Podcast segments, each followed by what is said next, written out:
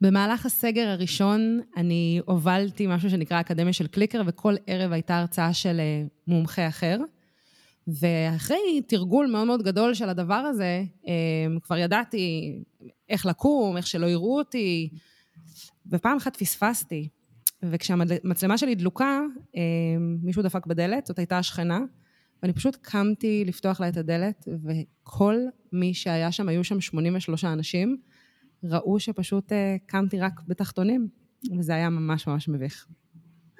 זה בעצם קצת, הטר... ה... ה... לא הטראומה, הסיוט, איך אומרים את זה? הפחד של כל מי שבזום, נכון? זה כאילו ראיתי המון דברים בזום, ואמרתי, טוב, לי זה לא יקרה, כי אני כל כך חושבת על הדברים מראש, אבל בגלל שלא אני העברתי את ההרצאה, זה לא היה לי אפילו ברדאר שהמצלמה שלי פתוחה, ווואי, זה היה כזה הזוי. ומישהי פתאום כותבת לי, אה, קרן, אה, כדאי לך לסגור את המצלמה, כולם ראו לך את הישבן, אני כזה שיט. לא נורא, אבל אז העליתי על זה פוסט מצחיק בקהילה שלי שאני מנהלת, וביקשתי מהם לעשות שרשור של דברים מביכים, וזה היה מצחיק בסופו של דבר. אז מינפת את זה. לגמרי. כל הכבוד. כל הכבוד. אוקיי, אז אנחנו מדברים עם קרן רייטלר, אה, כיף שאת פה.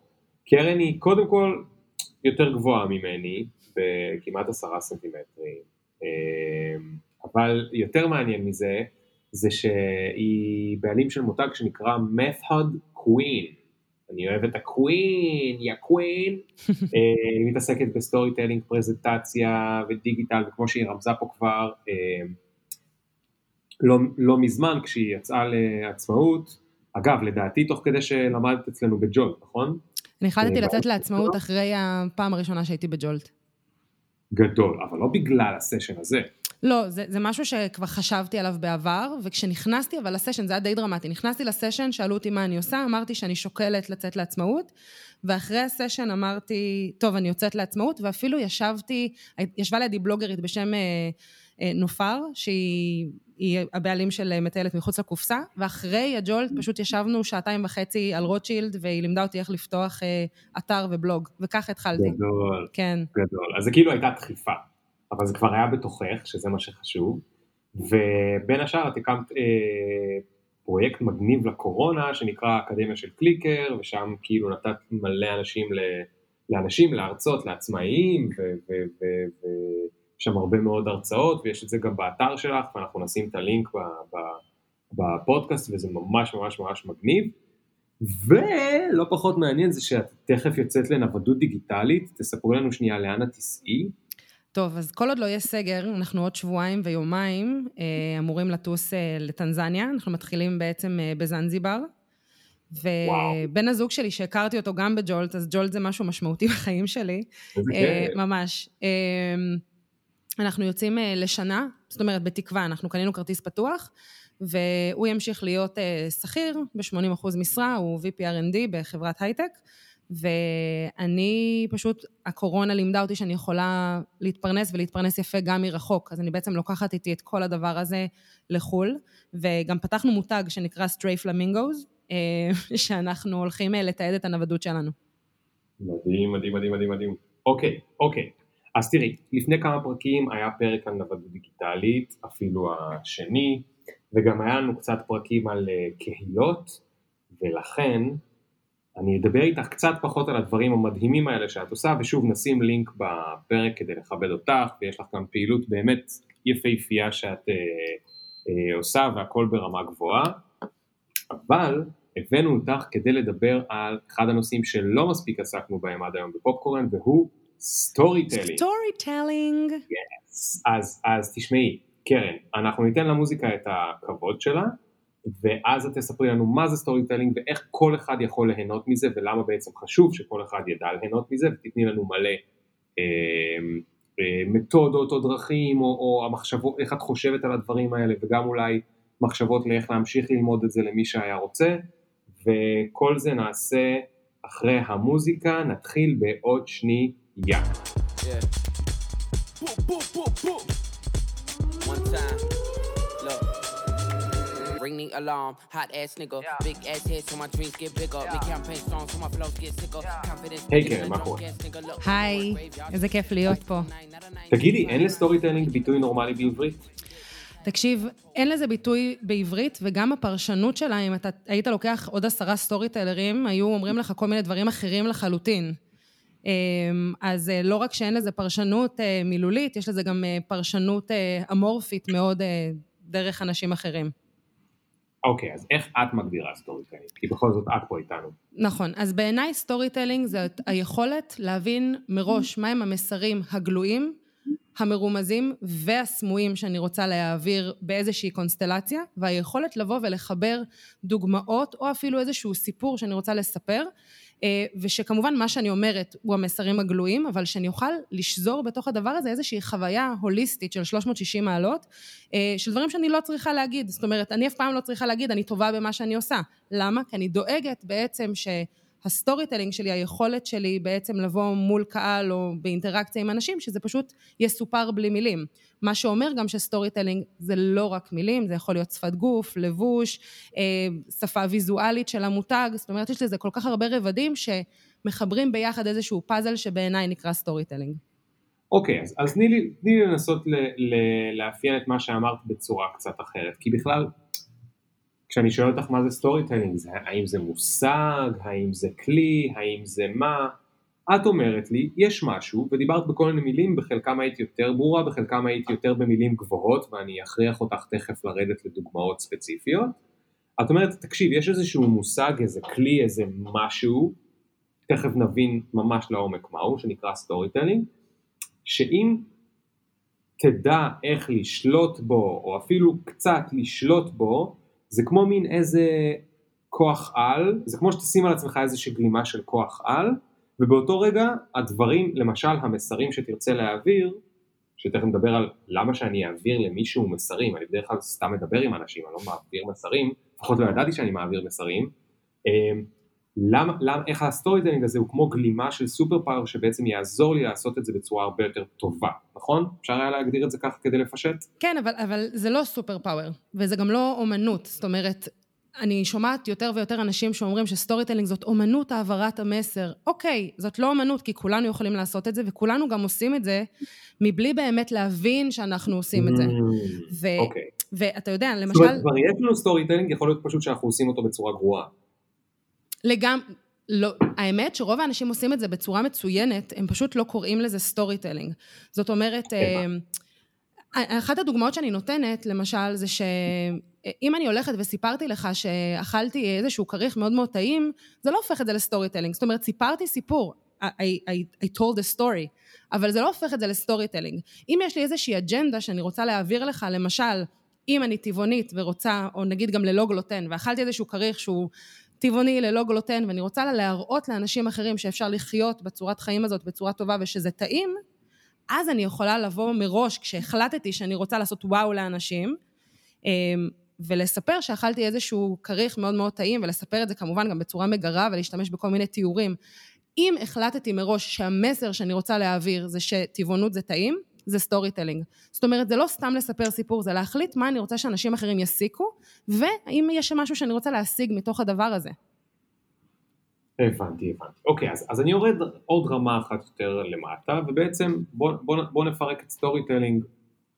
storytelling בעצם מדבר על סיפורים.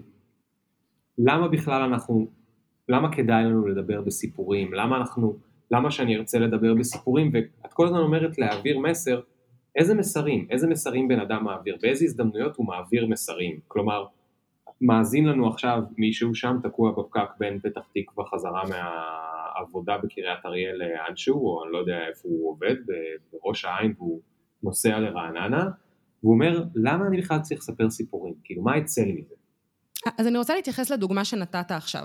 זאת אומרת, הפודקאסט שלך כולם יכולים לשמוע אותו, אבל בחרת לבוא ולהגיד קריית אריה ורעננה, כי כנראה שקהל היעד שלך, האנשים שאתה מדבר אליהם, זה הייטקיסטים שעובדים בקריית אריה, כי יש שם המון המון הייטק, וכנראה שהם גם גרים לא במרכז תל אביב, אלא איפשהו בסאברבס היקר, היוקר, כאילו רעננה, ולכן בחרת את הדוגמה הזאת. בדוגמה הזאת שנתת עכשיו, העברת מסר מי מקשיב ומי לא מקשיב, מי נכלל ומי לא נכלל. עכשיו, האם חשבת מראש, אני רוצה עכשיו להעביר מסר שמי שגר אה, בבאר שבע אה, לא יכול להקשיב לפודקאסט? בוודאי שלא. אבל רצית להעביר כנראה מסר של מי הוא קהל היעד האידיאלי מבחינתך, ולכן השתמשת בדוגמה הזאת. אז רגע, קודם כל קרן, אה, הסברת את זה מצוין, ועכשיו אני רק רוצה לתקן ולהגיד שה storytelling שלי היה גרוע, כי אני דווקא חושב שהמקשיבים שלי הם לא, לאו דווקא הייטקיסטים והם לאו דווקא גרים ברעננה ולאו דווקא ממעמד אה, אה, סוציו-אקונומי גבוה, אלא הם ספקטרום הרבה הרבה הרבה יותר רחב, וזה מסביר אולי למה אני צריך להבין יותר טוב storytelling, כי אז זה, אני, אני יכול להבין שאם הייתי חושב, אם הייתי מבין את זה, הייתי צריך להגיד, או למשל אם אתה נוסע מבאר שבע, או למשל אם אתה בקריות, כלומר הייתי צריך, כדי ש, שזה יהיה יותר אה, אה, מכליל ולא פחות אה, אה, exclusive. אבל, הדוגמה שנתתי. אבל מה שיפה, ליאור, זה שאנשים שמקשיבים לפודקאסט שלך ומקבלים ממנו ערך, הם לא הקשיבו רק לפודקאסט הזה, רק לפרק הזה. הם כנראה הקשיבו לפרקים אחרים שבהם דאגת לתת דוגמאות אחרות, וה storytelling mm. הוא לא נקודתי. זאת אומרת, כמו שאמרתי בהתחלה, ה storytelling הוא משהו הוליסטי שנבנה להרבה זמן. עכשיו, אני באמת מחלקת את זה לשני סוגים של storytelling. storytelling חד פעמי, זאת אומרת, אם אני הולכת עכשיו להעביר איזושהי הרצאה ספציפית לקהל שאני לא בהכרח אראה עוד פעם, אני רוצה לעשות איזשהו וואו, או שאני רוצה להעביר, אה, אה, שיחשבו עליי כל מיני דברים. למשל, אם אני הולכת להרצאה ואני רוצה בסופו של דבר שחמישה מהאנשים ייגשו אליי ויתחילו איתי ליווי. נניח. אז כן. אני אדאג בעצם לבנות את ההרצאה שלי ואת הדוגמאות שתומכות במה שאני עושה, בצורה כזאת שאנשים יבינו שאני עושה ליוויים פרטיים. זה סוג מסוים של storytelling ואני עושה אותו one time. כי זה לא אנשים שנחשפים אליי פעם אחרי פעם, אבל אם אני, יש לי פודקאסט, או אנשים שעוקבים אחריי בבלוג שלי, או במקומות אחרים ונחשפים אליי פעם אחרי פעם, פה אני כבר רוצה לייצר איזושהי תדמית, איזושהי פרסונה, שאנשים ירגישו שהם מכירים אותה, ובנוסף לזה גם שהם הם יצליחו להבין האם אנחנו חולקים את אותם ערכים, האם השקפת העולם שלנו זהה, האם יש דברים שאני יכולה לעזור להם, ואני צריכה להחליט, רגע, האם אני רוצה שאנשים יחשבו אה, שאני נגישה, בסדר? זה, זאת החלטה. אם כן. אני כותבת, אה, למשל, אתה לא שם את הפרטי התקשרות שלך במייל, זה אומר שאתה לא רוצה שכל בן אדם יהיה לו את הטלפון שלך ויוכל נכון ליצור איתך קשר. נכון מאוד, על זה. ואני למשל, יש לי, יש לי חותמת. חשוב לציין שזה לא כי אני לא נחמד, אלא כי אני גרוע בלחזור לאנשים. אתמול חזרתי לוואטסאפ אחד מתחילת אוגוסט, אה, והוא ממש כעס עליי. ואמרתי לו שאני פשוט גרוע בדברים האלה.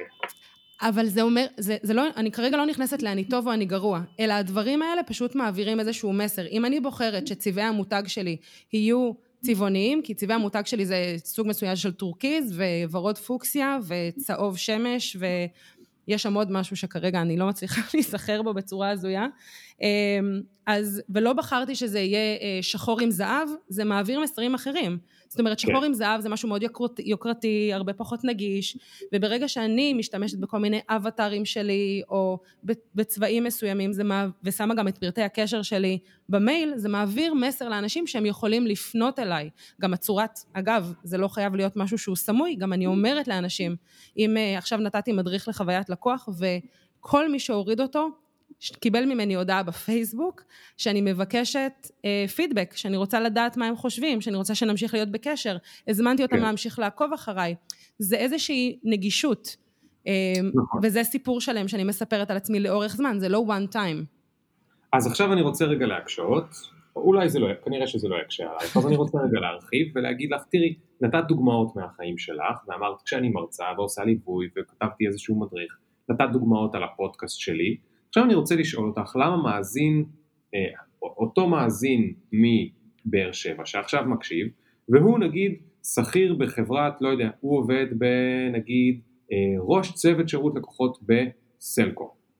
אה, הוא לא מעביר הרצאות, הוא לא כותב ספר, הוא לא עושה פודקאסט, הוא שכיר בדרגה נגיד גבוהה, בדרגת כמעט סמנכ"ל, אבל אין לו את כל הדברים האלה. האם הבן אדם הזה שמאזין עכשיו הוא גם צריך לדעת מה הוא storytelling, האם storytelling טוב יכול להועיל לו? אז ממש אהבתי את הדוגמה שניסית לעשות inclusive גם לאנשים מבאר שבע שלא עובדים בהייטק, כן, זה לא, לא... אבל גם לא עובדים במשרה נמוכה מדי. נכון, נכון. storytelling הוא עבור כולם, ואנחנו יכולים לעשות את זה גם עם בני הזוג שלנו. זאת אומרת, אנחנו, זה לא חייב להיות איזושהי אה, סיטואציה שהיא מאוד עסקית. אבל גם אם אני לא עובדת בהייטק, או אם אני לא עצמאית ואין לי פודקאסט ואין לי בלוג, אני עדיין נמצאת באיזושהי אה, ממשק עם אנשים אחרים.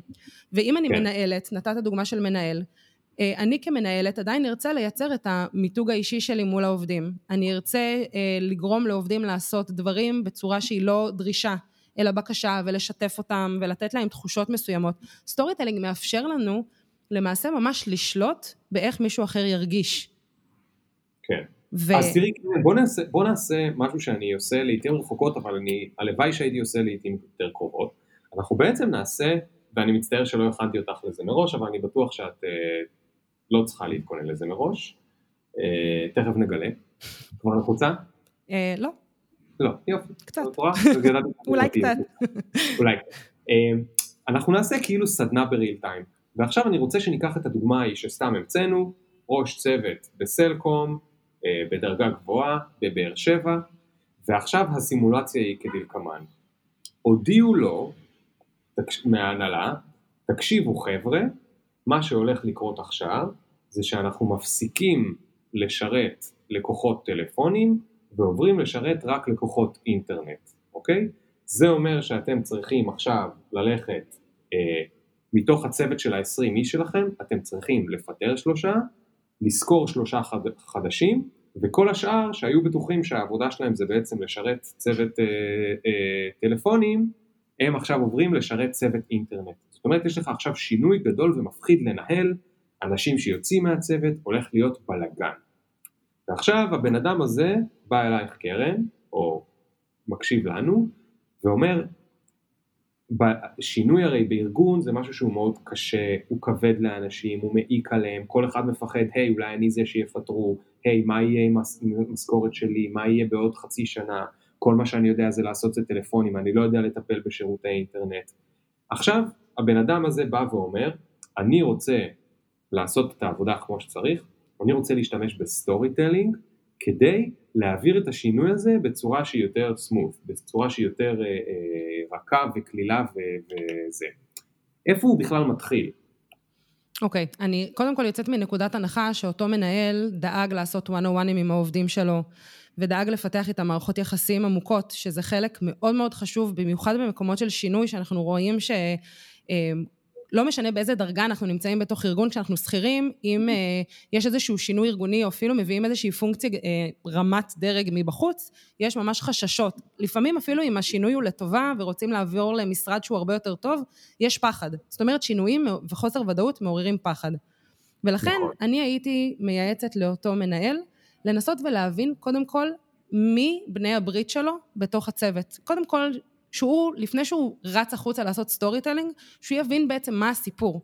ממש לשבת ולנסות להבין מי, איזה שינויים הולכים להיות בצוות, מי מהאנשים הולכים להתחלף, אה, מי הולכים להיות מפוטרים. זאת אומרת שהתמונה תהיה ברורה עבורו, לייצר קודם כל ודאות. ומה הכוונה בעלי ברית? אני, אז אני מיד מסבירה. Okay. אוקיי. אה, אבל קודם כל, לפני שהוא... הוא, אני כמנהלת, אני הייתי VP Sales, והייתי צריכה לעשות הרבה שינויים בצוותים שלי, לא מעט אפילו, ו... אחד הדברים ש... שזעזעו אותי זה שתמיד הנחיתו עליי איזה משהו מלמעלה שלא הייתה החלטה שלי, אבל בסופו של דבר מי שהולך לקבל את הריקושטים הייתה אני. ו...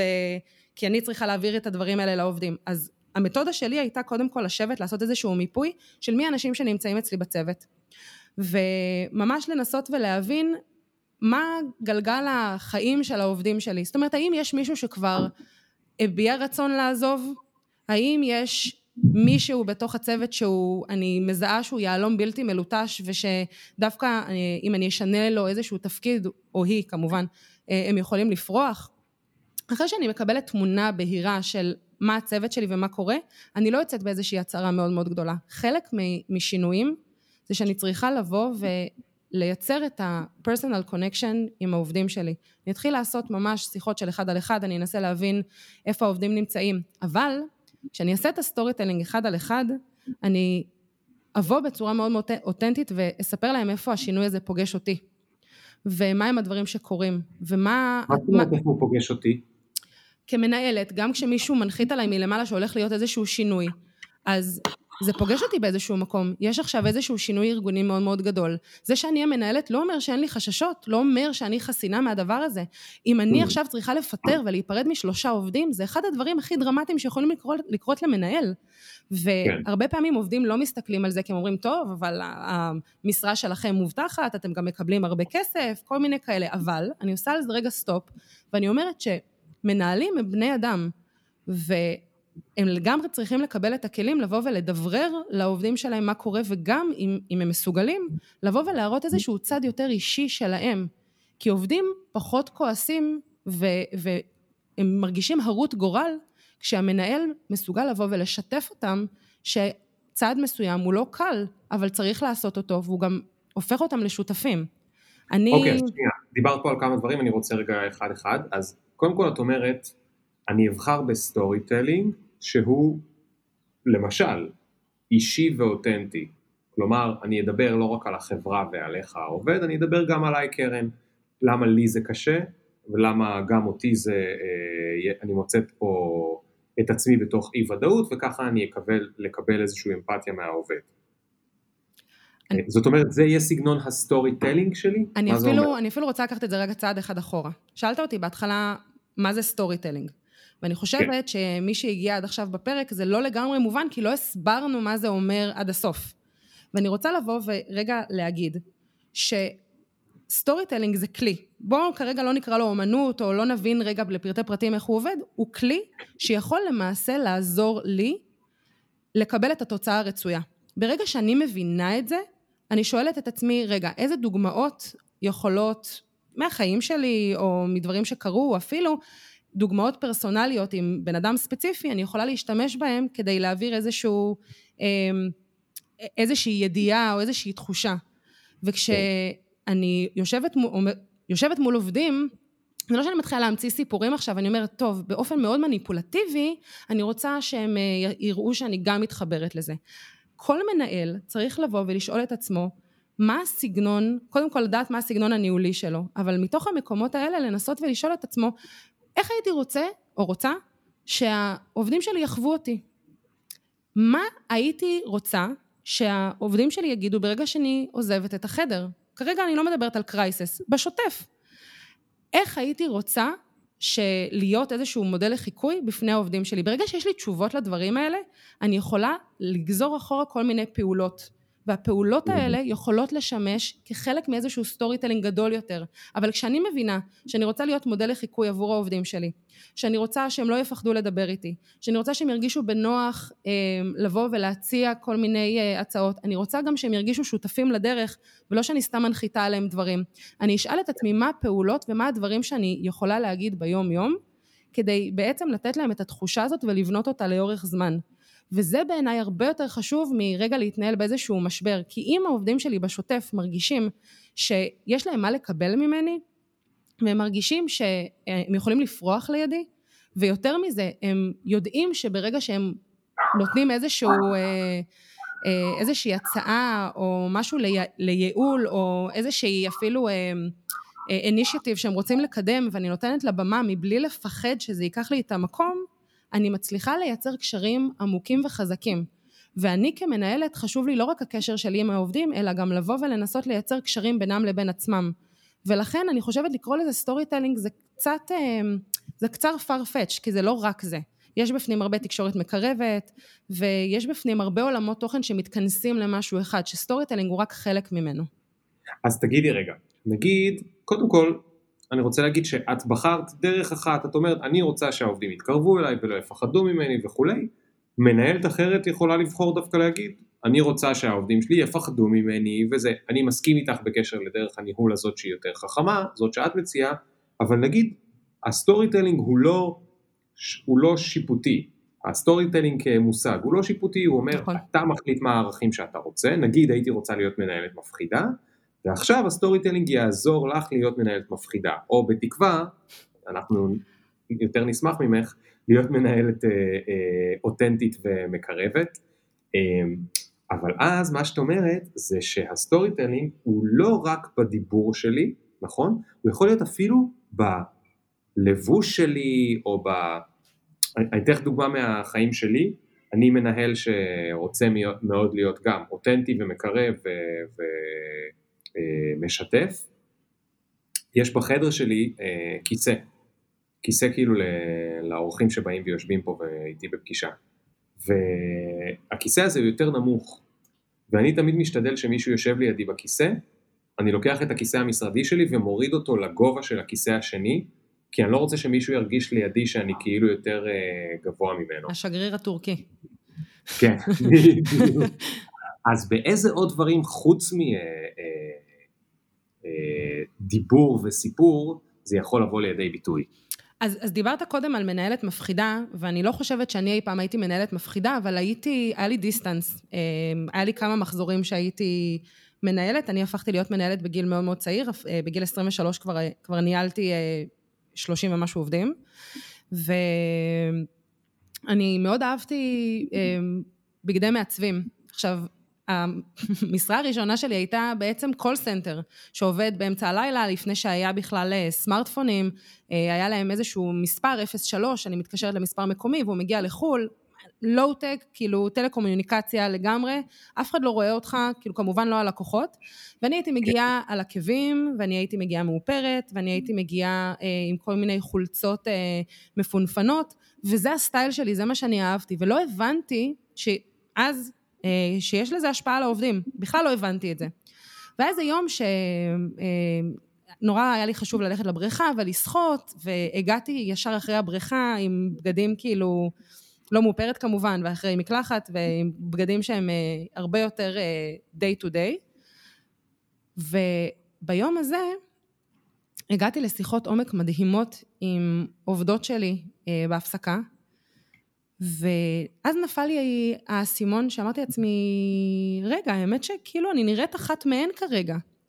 כן. ו, וזה משהו שלקח לי הרבה זמן, אה, הרבה זמן להיפטר ממנו. עכשיו, זה לא שניסיתי להיות מפחידה או שניסיתי להיות בדיסטנס, פשוט הסגנון שהיה לי אז אה, גרם, הוא, הוא, אגב, הוא מה שגרם לי להתקדם מאוד מאוד מהר, כי חוו אותי תמיד כשונה וכמיוחדת וכבוגרת ושיש לי איזושהי נוכחות שהיא אחרת, כי מה לעשות, לבוש הוא חלק ממה שמגדיר אותנו, במיוחד אצל נשים. אמ, אבל אחר כך הוא גם מה שפגם במערכות יחסים שלי עם העובדים שלי. עכשיו... מעניין. כן, לגמרי מעניין. עכשיו, אני יכולה להגיד לך שלפני שבועיים העברתי אה, קורס בעיריית גבעתיים לבני נוער, בהאב שלהם, ואני ישבתי מול הארון אולי חצי שעה ואמרתי לעצמי, מה אני לובשת? כאילו, זה ברור לי שכשאני הולכת להרצות בחברת הייטק, ברור לי מה אני לובשת. ברור לי מה אני לובשת כשאני אה, הולכת להרצות במשרדי עורכי דין, וברור לי גם כשאני אה, עשיתי ג'ולטים, היה לי ברור מה אני לובשת. אבל פתאום, מדובר בילדים שאני לא ידעתי, באמת, אני עמדתי קלולסית ולא הבנתי מה אני עושה. ולא רק ש...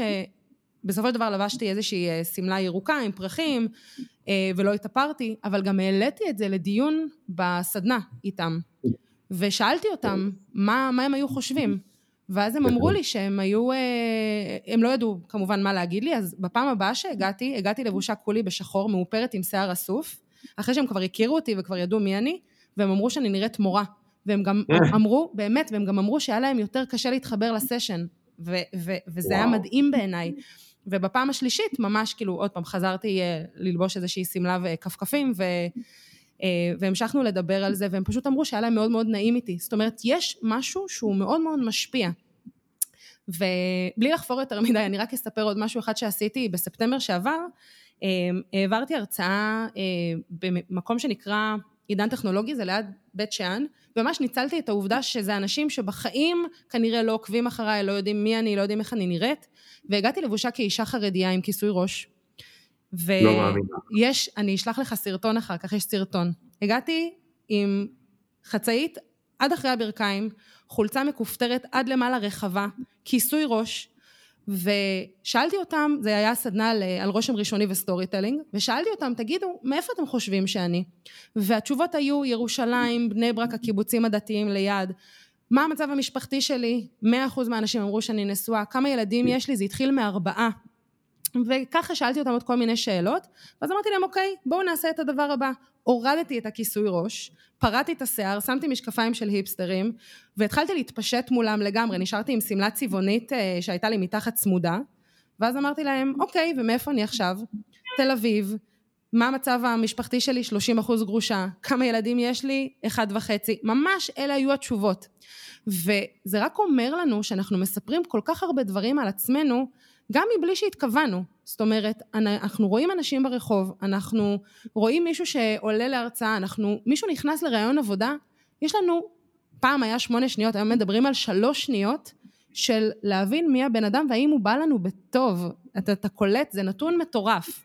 כן. ולכן אני אומרת, ה storytelling שלנו מתחיל לא רק במה שאנחנו אומרים, זאת אומרת, אני יכולה לשנות את הדעה שלי אחרי שאני מכירה מישהו לעומק, אבל קודם כל, כמובן שאם אני מגיעה למקום עבודה, אם יש לי איזשהו תפקיד, או אם אני הולכת לראיון עבודה, אני צריכה ממש לחשוב, קודם כל, מי יושב מולי, ומה ראוי, או איך ראוי שאני אציג את עצמי. זאת אומרת, ההצגה העצמית שלי היא לא אותו דבר, אפילו אם אני הולכת לשישה רעיונות אה, שונים, אני צריכה להבין מי, מי, מי עומד מולי. וואו.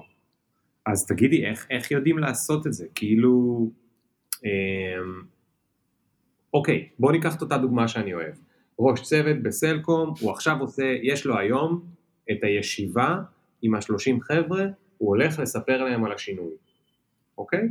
ומה שביקשת, אני נותן לך, ההנחה היא שיש לו קשר איכותי איתם, הוא עשה איתם אחד על אחדים, אני אגיד לך את האמת, חלקם אוהבים אותו, חלקם הוא לא בא להם בטוב.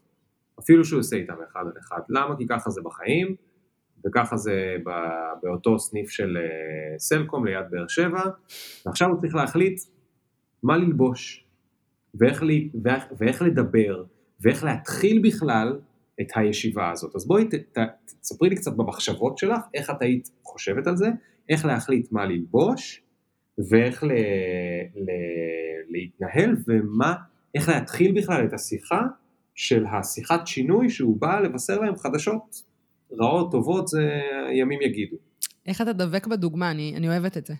אמ, תראה, אז כמו שאמרתי, אני הייתי מתחילה קודם באחד על אחד, וכמו שאם אני הולכת לשישה רעיונות שונים, אז אני צריכה להתאים את עצמי למרואיין, למראיין, אה, גם כאן אני צריכה להתאים את עצמי אמ, לעובד שלי, ולסגנון של העובד שלי, וגם האם העובד שלי אוהב אותי או לא. זאת אומרת, לי היו בעבר עובדים שלא מתתי עליהם, אבל הם היו מה שנקרא uh, consistent star. הם היו אנשים שכל הזמן היו להם את הביצועים הכי טובים, ו... והייתה כאן איזושהי מקום של, אה, שרציתי שהם יישארו, הם היו חיוניים לי. ולכן כשאני יושבת ועושה את השיחה עם העובד שלי, או עם העובדת שלי, אני צריכה קודם כל, לפני שאני מזמינה אותם בכלל, לשאול, האם מדובר בעובד או עובדת שבטוחים בעצמם במקום עבודה? האם אני הייתי רוצה שהם יישארו במקום עבודה? האם אה, יש להם רגישויות מסוימות? זאת אומרת, האם זה כבר עובד שהעבירו אותו כמה תפקידים והוא מרגיש אה, ככה שמעיפים אותו ממקום למקום? האם יש עובד שאולי מחכה מאוד שמישהו ייתן לו עכשיו העלאה בשכר ו- וקידום, ואני בעצם הולכת להגיד לו, חבוב, אתה בכלל עובר למחלקה אחרת כי יש שינויים? אני חייבת להתחשב בקהל יעד שלי, וזה א' ב' של storytelling. אני כן. אף פעם לא אספר את אותו סיפור לקהלים שונים. אף פעם. אני צריכה להבין, קודם כל, מי הקהל שלי, באיזה שפה הוא מדבר, מה החששות שלו, מה הכאבים שלו, ולנסות לספר דברים בצורה שהיא קצת אחרת. אפילו אם אני רוצה עכשיו לבוא ולהגיד, תקשיבו, יש שינויים מאוד מאוד גדולים שהולכים לקרות, ולא כולם יישארו, ובהנחה שאני עדיין לא החלטתי ואני רק רוצה לבשר להם שהולכים להיות שינויים, אמ, אני אעשה את זה בהתאם למי שנמצא מולי. ולכן אם יש מישהי אה, שהיא ותיקה ואני רואה בה כקולגה, אני אבוא ואני אשתף אותה שיש שינויים מאוד מאוד גדולים, אני אשתף אותה בדילמות, אני אשאל אותה שאלות, אני אשאל אותה מה היא הייתה עושה במקומי, אני אתן לה להרגיש שותפה. ואז, ברגע, שאלת אותי גם קודם איך אני גורמת להם להרגיש שותפים, דרך שאלת כן. שאלות, אה, דרך הבנה, דרך אה, היכולת שלי לראות למה אותו עובד זקוק, למה הוא צריך, בעצם מה הוא צריך, מה הוא צריך ממני. אני, אני המנהלת שלו. אנשים מסתכלים על מנהלים, גם שהם לא אוהבים, באיזושהי יראה. ואני צריכה כן. לא לנצל את התפקיד שלי, אלא לבוא ולהבין מה העובד שלי צריך. ואז אני אבחר לספר את זה בצורה שונה. למי שאני סומכת עליה ואני רואה בה קולגה, אני אשאל אותה יותר שאלות ואני אתייעץ איתה, ואז היא תרגיש שהיא שותפה לדבר הזה. עובד שהוא חדש, אני אבוא ואני אשתף אותו שאני נמצאת אולי במצב שהוא קצת קשה, אבל הולכים להיות איזה שהם שינויים, ואני רוצה לשאול אותו איפה זה תופס אותו, כי הוא חדש, ואיפה הוא רואה את העתיד שלו בחברה. זאת אומרת, אני אשאל שאלות שהן אחרות, אני אה, אסתכל על ה... בכלל להנגיש את הנושא הזה ממקומות אחרים, אבל המידע שעובר, הדאטה, הוא יהיה אותו דאטה. ועכשיו העברתי את המסר שלי, אמ, ובאמת, כאילו, אני מסתכל על החבר'ה, והם בשוק, אוקיי? אמ, הם לא יודעים כאילו איך להגיב, הם נראים לי מבולבלים. אמ, איך אני עכשיו, כאילו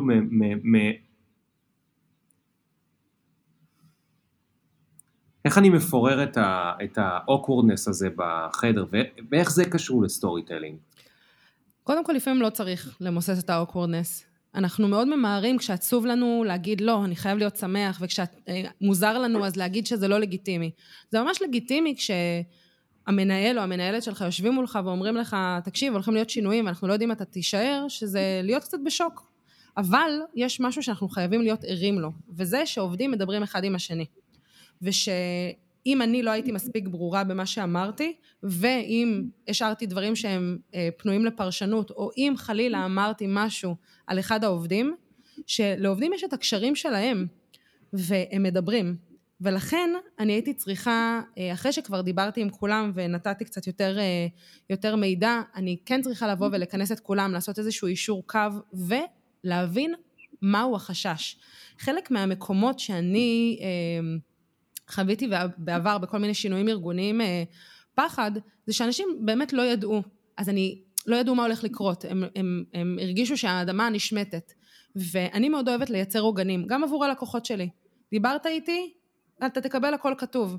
כדי שלא יהיה מקום שהוא נתון לפרשנות. זה גם חלק, מ, אני חושבת, מאיזשהו storytelling פרסונלי של מיתוג אישי. כן. אמ, אבל, אה, אבל לפעמים יש awkwardness, ואם אנחנו רואים שיש מישהו שלקח משהו יותר קשה, הוא צריך את האקסטרה ליטוף, אנחנו ניתן לו את ה extra attention. זאת אומרת, זאת בעיניי זאת החובה שלנו כמנהלים לבוא ולהבין, לא רק לסמן וי, אוקיי, דיברתי עם כל העובדים, אלא להבין איך דברים משפיעים על עובדים שונים, להבין שיש להם קשת רגשות אחרת, יש להם אישיות אחרת, ולנסות ממש להבין איך אנחנו כמנהלים יכולים גם להכיל את זה, למרות שלפעמים לא בא לנו. באמת, לפעמים כמנהלים אתה אומר לעצמי, אוף, עוד פעם הבן אדם הדרמטי הזה, אין לי סבלנות, לא רוצה. כן. אה, אבל זאת האחריות שלנו לבוא ולהגיד אה, משהו, ולתת מענה לאיזשהו צורך שמתקיים, וגם להבין שאף עובד לא מנותק מעובד אחר. הם מדברים, הם שונאים אותנו ביחד, הם אוהבים אותנו ביחד, הם מרכלים עלינו ביחד. אה, לא, באמת, זה, זה קורה, ואי אפשר גם להימנע מזה. כאילו זה מאחד אותם שהם כולם קצת נגדנו?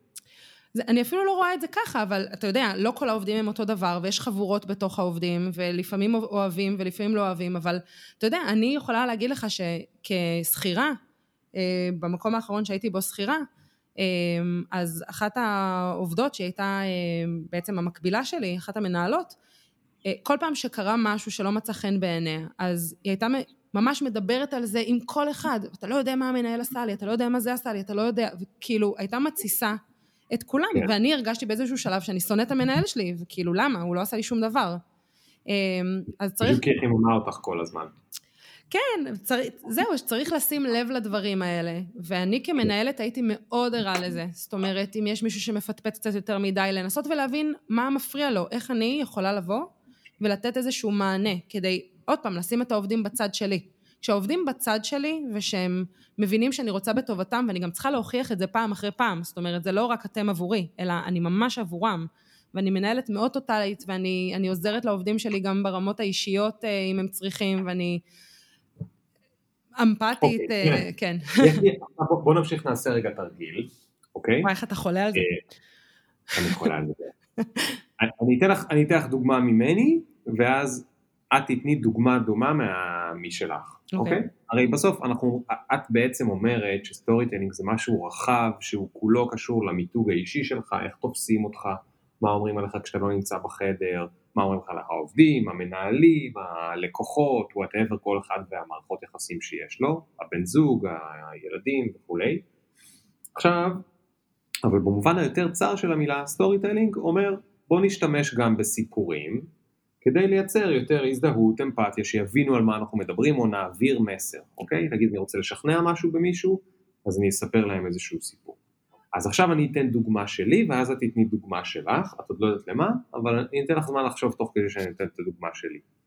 למשל, אה, לי יש אה, גם בספר וגם אה, שיצא לי בעיקר 2017 כזה, להרצות בכל הארץ על, ה, על הספר, הייתה לי פואנטה, הפואנטה הייתה שההורים שלי לימדו אותי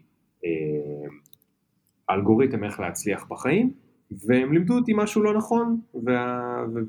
ולא רלוונטי לעולם החדש, ולי יש דרך חדשה לאיך להצליח בעולם החדש, ובעצם על זה הספר וההרצאה וכולי וכולי וכולי.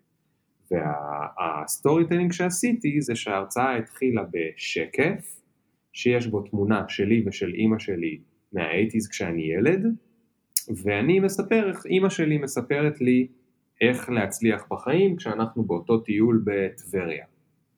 ולמה עשיתי את זה? אחד, כי הסיפור הוא מאוד ספציפי, אה, יש בו תמונה, אז כבר הקהל מתחבר אליי כשאני ילד, גם מאוד קל להתחבר לילדים.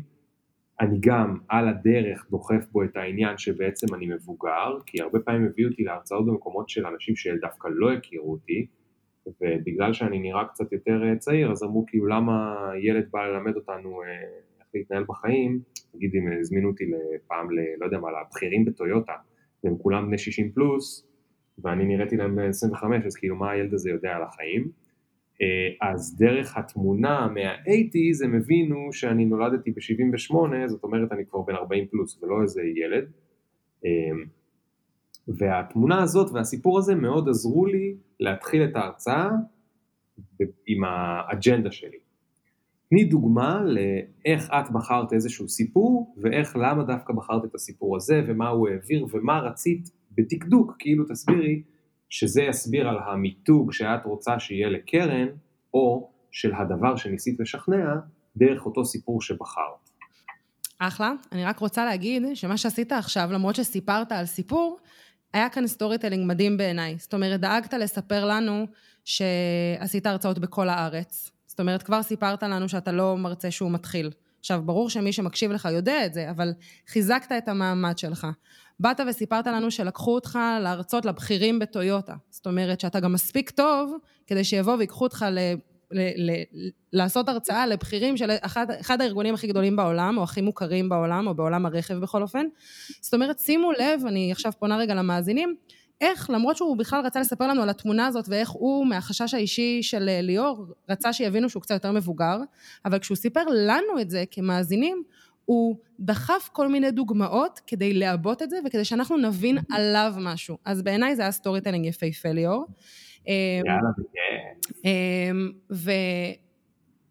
ואני רוצה לגרום לכם להרגיש עניין עכשיו זה מה שאני רוצה. כשהייתי ב... בטיול במרכז אמריקה, ממש לפני כמה שנים, יש מקום שנקרא קניון סומוטו. הוא נמצא בניקרגואה. וכל הבלוגים של הטיולים שקראנו ממליצים לקחת מדריך שעולה 15 דולר. אממה, סחבק פה קצת התקמצנה, והחליטה שהיא הרבה יותר אה, אמיצה, וקראתי סך הכל איזשהו בלוג אחד של חבורת אמריקאים אה, שסיימו תואר ראשון, שצלחו את הקניון הזה בלי מדריך. אז אוף איי גו, ובעצם כשהגעתי לקניון סומוטו זה מקום מדהים. יש uh, ממש וולס כאלה, קירות ענקיים של לפחות עשרה מטר שמתנסים למעלה, יש המון בולדרים, ובאמצע יש איזשהו נחל.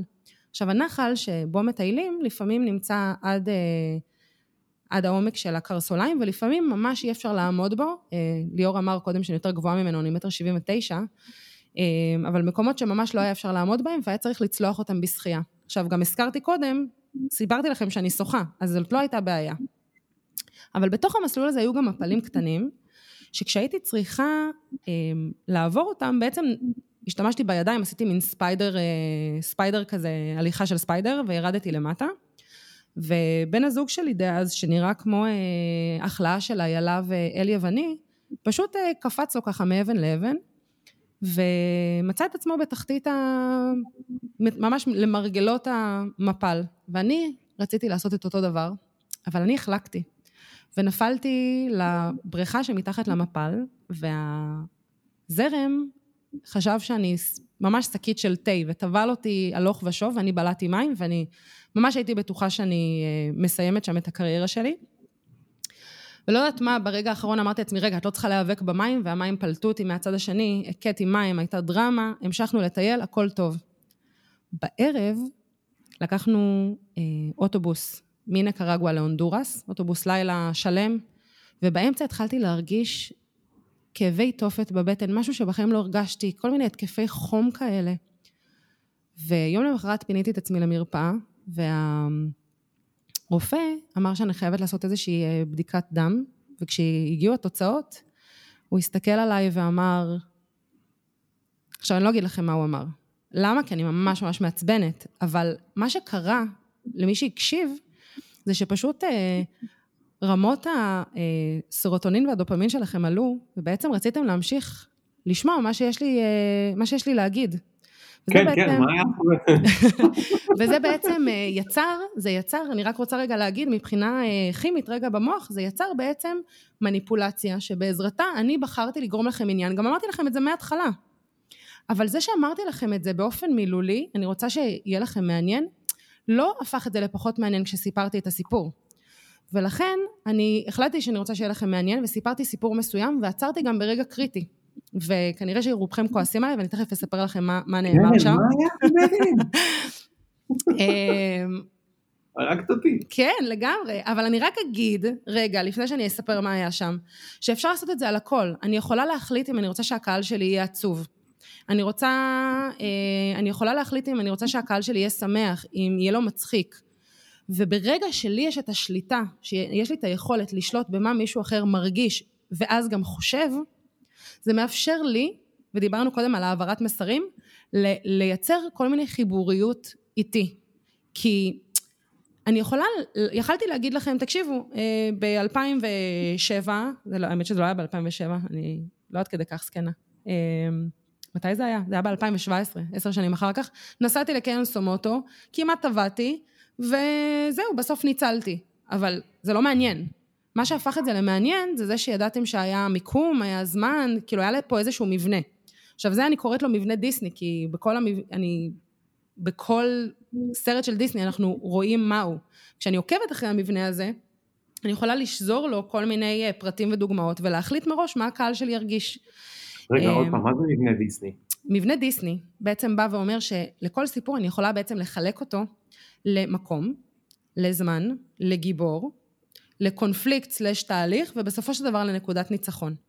אם אני מצליחה לספר סיפור לפי המבנה הזה, אני למעשה, אה, וכמובן דרך הדוגמאות שאני בוחרת, אני, יהיה לאנשים הרבה יותר מעניין להקשיב לי. זאת אומרת, אתם ידעתם אה, שזה היה לפני כמה שנים, אפילו אם לא ידעתם את השנה המדויקת, ידעתם שזה היה בניקרגואה, ידעתם שזה היה בקיאנוס סומוטו, ידעתם, כנראה סיפרתי משהו עליי, אז אני כנראה הייתי הגיבורה, אבל מי שהגיבור האמיתי זה מי שמקשיב. ואז בעצם יכלתם להזדהות אה, עם המצוקה שלי, כי כנראה כל אחד לקח את זה, כל מי שהאזין לקח את זה למקום שלו ולאיזושהי חוויה אה, שהייתה לא עולה בעבר. והיה פה איזשהו תהליך, זאת אומרת, אם לא הייתי באה ואומרת שלקחנו אוטובוס לילה ומה עבר עליי וכמה שזה היה קשה, אז זה לא היה מעניין. בעצם מה שהופך סיפור למעניין זה שיש לו איזושהי תהליכיות, איזשהו קונפליקט, משהו שלא לגמרי מסתדר, וכמובן שאני מתארחת בפופקורן ואני חיה, זאת נקודת ניצחון לא קטנה. ואז. מתוך המקומות האלה, אם אני, דיברנו בהתחלה על מסרים, אם אני מחליטה שאני רוצה שאנשים יבינו או ירגישו שאני מקצוענית, אני לא, לא צריכה להגיד את זה. אני צריכה להבין איזה דוגמאות אני נותנת ובאיזה סדר אני מספרת אותם כדי בעצם להעביר את המסר הזה. אם אני רוצה להעביר עכשיו, ממש כמו שאתה עשית עם זה שרק זרקת לנו הערה שהלכת בכל רחבי הארץ כדי להדריך, אה, אה, להרצות, ובסופו של דבר גם מצאת את עצמך בבכירים של טויוטה. כן.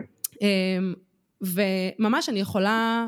ב, זה, אגב, זה... מי, ש, מי שלא שם לב, ואם, לא, ואם אתם במקרה יכולים לעצור את האופניים ולהזיז רגע אחורה, כשקרן התחילה לספר את הסיפור, היא שינתה את, את הטון, הטון נכון. שלה, בשנייה. נכון. פתאום נהיית כזה רצינית כזאת. זה, יש משהו שנקרא מותג הקול. האמת שלא תכננתי לדבר על זה היום, אבל כשאנשים מדברים על, על למשל במכירות, מדברים על הטון שלנו. ועל זה שהטון שלנו מאוד מאוד חשוב, ושאנחנו לא נהיה מונוטונים, אבל הקול שלנו מורכב בעצם מהרבה יותר פרמטרים מזה. הקול שלנו מורכב גם מתדירות, וגם אה, מצפיפות, וגם מאיכות של הקול. זאת אומרת, אנחנו נולדים עם איכות מסוימת, או פוגמים בה אם אנחנו מעשנים, ובעצם גם זה מעביר עלינו המון המון מידע. אה, עשו מחקר אה, בארצות הברית, בשנות ה-60 התחילו להיכנס אה, הרבה יותר נשים לכל מיני board rooms ולתפקידי ניהול, וגילו שהטון שלהם צנח בממוצע בחצי טון. הקול הרגיל שהן מדברות בו בעצם בזמן העבודה, כי קול נמוך יותר נתפס הרבה יותר סמכותי להרבה מאוד מאיתנו. אה, ונשים רצו להישמע אה, מאוד מאוד סמכותיות. ולמשל, אה, קול צעקני נשמע קצת מישהי שאולי לא למדה מספיק, וממש יש כאן הרבה פרמטרים. אז הקול, אנחנו לא ניכנס לזה עכשיו, כי באמת היריעה קצר, הזמן קצר, אבל תחפשו מותג הקול, זה, זה ממש ממש מדהים. איך אנחנו יכולים להעביר סיפור שלם על מי אנחנו רק בעזרת הקול שלנו, המהירות שאנחנו מדברים בה, הצפיפות של הקול שלנו. אה, העוצמה, זה, זה ממש ממש אה, מדהים. אני אתן רק דוגמה כדי שתבינו, אני יכולה לבוא ולהגיד, אה, ליאורי, אתה יכול להכין לי סנדוויץ' בבקשה? אני יכולה לבוא ולהגיד, ליאורי, תכין לי סנדוויץ', בבקשה. וזה אותו משפט, יש בו את אותם מילים, אבל הוא פשוט מעביר מסרים אחרים לחלוטין. אז גם, נכון. גם זה storytelling, אבל אני לא רוצה לסבך את המאזינים יותר מדי. לא, זה לא מסבך בכלל, זה די ברור, ואגב, גם פה זה יש משהו מאוד חשוב שאת אמרת כמה פעמים, וצריך לא לשכוח אותו. זה נכון שכל צורת דיבור, או לבוש, או סיפור שאת הדגמת, הם נכונים על פי מה שאני רוצה להעביר, אבל לא פחות חשוב זה מי שומע את זה. כי לאנשים אחרים יש תגובה אחרת לזה. נגיד, יש אנשים שהסגנון השני, היותר אה, ליאור, תכין לי סנדוויץ' בבקשה, היותר סמכותי שנתת לו. יש אנשים שעליהם זה יעבוד יותר טוב, אני נגיד בן אדם שיש לו בעיה עם סמכות, בן אדם שיש לו בעיה עם זה שיגידו לו מה לעשות, הטון הראשון יגרום לי להכין לך סנדוויץ' מהחלל, והטון השני יגרום לי כנראה לריב איתך. רגע, אז מה אתה מכין לי?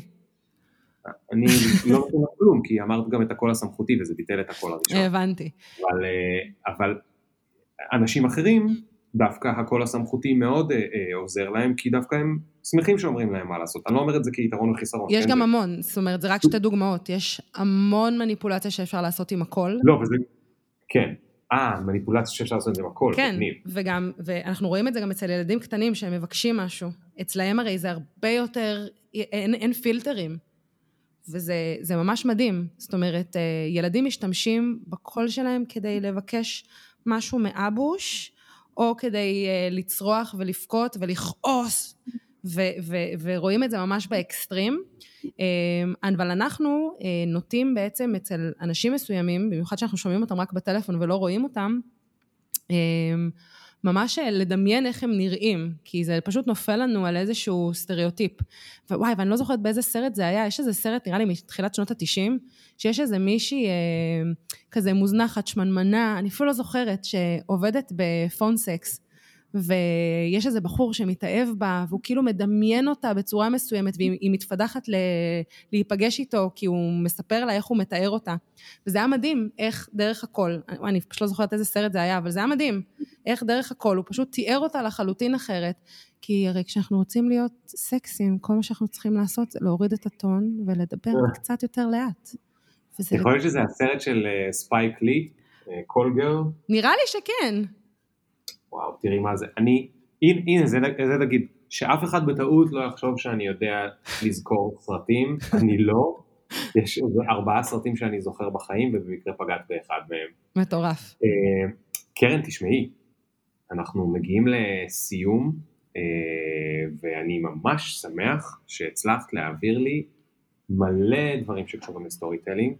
וגם הגענו לדוגמאות ממשיות. אה, רגע, אתה רוצה לשמוע מה קרה לי בניקרגואה? אתה רוצה לדעת מה הסוף? לא, לא, האמת שזה לא מעניין. סגור. סתם, נו, תספרי כבר. אמ, אז האמת שהבדיקה הגיעה אחרי חצי שעה, והיה לי 52 אחוז של חיידק בקיבה, בקטריה, שאם הייתי מגיעה 12 שעות מאוחר יותר כבר הייתי מתה. זה כאילו היה משהו ממש קיצוני. אה, fuck, שהיה שם פשוט במים? היה במים, כן, בניקרגואה. וואי וואי וואי. כן, והוא עוד אומר לי, כן, זה אחד הנהרות הכי מזוהמים בעולם. זה לא נכון, אבל אה, אמ. כן. הוא פשוט טוב. אה, היה מהונדורס ורצה קצת לגחך על המים של ניקרגואה. כן. אגב, באיזה שנה היית בניקרגואה? 2017. Mm. אז אני הייתי בניקרגואה ב-2000 ונראה לי 7 או 6, שזה היה כאילו איזה חצי שנה אחרי שהם נפתחו, כי הם היו שנים סגורים לתיירות בגלל שהיו שם מלחמות אה, אינסופיות, אה, מלחמות אזרחים אינסופיות, ואז פתחו אותם לתיירות, וממש אחרי אה, קפצתי לשם, והיא הייתה יפהפייה, אבל באמת כמעט לא היה ספרות כאילו איך ללכת ולאן, ו... ולכן גם לי יש משם סיפורי זוועה לא קשורים לחיידקים. בכל אופן, סטינו וזה לא מעניין. קרן, המון המון המון המון המון תודה על, ה, על השיעורים שעשית לנו. אה, שוב, לא דיברנו על הקריירה שלך כי יש שני סוגי פרקים, יש סוגי פרקים שבהם אני חוקר מישהו על הקריירה, יש, ודווקא מעניין לעשות איתך פרק כזה כי יש לך סיפור מאוד מעניין, VP Sales, עצמאית, מתוד קווין והקליק שאת עושה עכשיו, אבל נעשה את זה בהזדמנות אחרת. אה, הפעם זה היה מהסוג השני של הפרקים, שבו אנחנו מדברים על משהו מקצועי, ואני ממש ממש שמח שעזרת לי להבין יותר טוב מה זה storytelling, בייחוד שעזרת לי להבין שזה לא רק הסיפורים שאני מספר, זה גם הטון דיבור שלי, וזה גם ה- איך אני מתלבש, ואיך שאני, הגישה שלי והערכים שלי ואיך הכל מתחבר, אז הרבה הרבה הרבה תודה על זה, והמאזינים שלנו, אני מקווה שאתם, uh, כשאתם נכנסים הביתה אחרי הפקקים, אתם תדעו באיזה טון להגיד לבן בת הזוג שלכם, איך אתם רוצים את הסנדוויץ', תזכרו, זה לאו דווקא הטון שאתם חושבים שהוא מתאים לכם, זה גם הטון שצריך להתאים למי שמקשיב לכם. אז שקרן, תודה רבה רבה רבה רבה, תודה לך, ליאור. שיהיה לכולם סנדוויץ' אה, מהמם, ביי. Mention, Did you get my mentions? Question, do you even fuck with a nigga like me? Will you bump me in about three days? Really? IDC. Cause every time a nigga talk, they KC. The big up picture, fuck your filter. Me can't go run, but me can't repeat. No.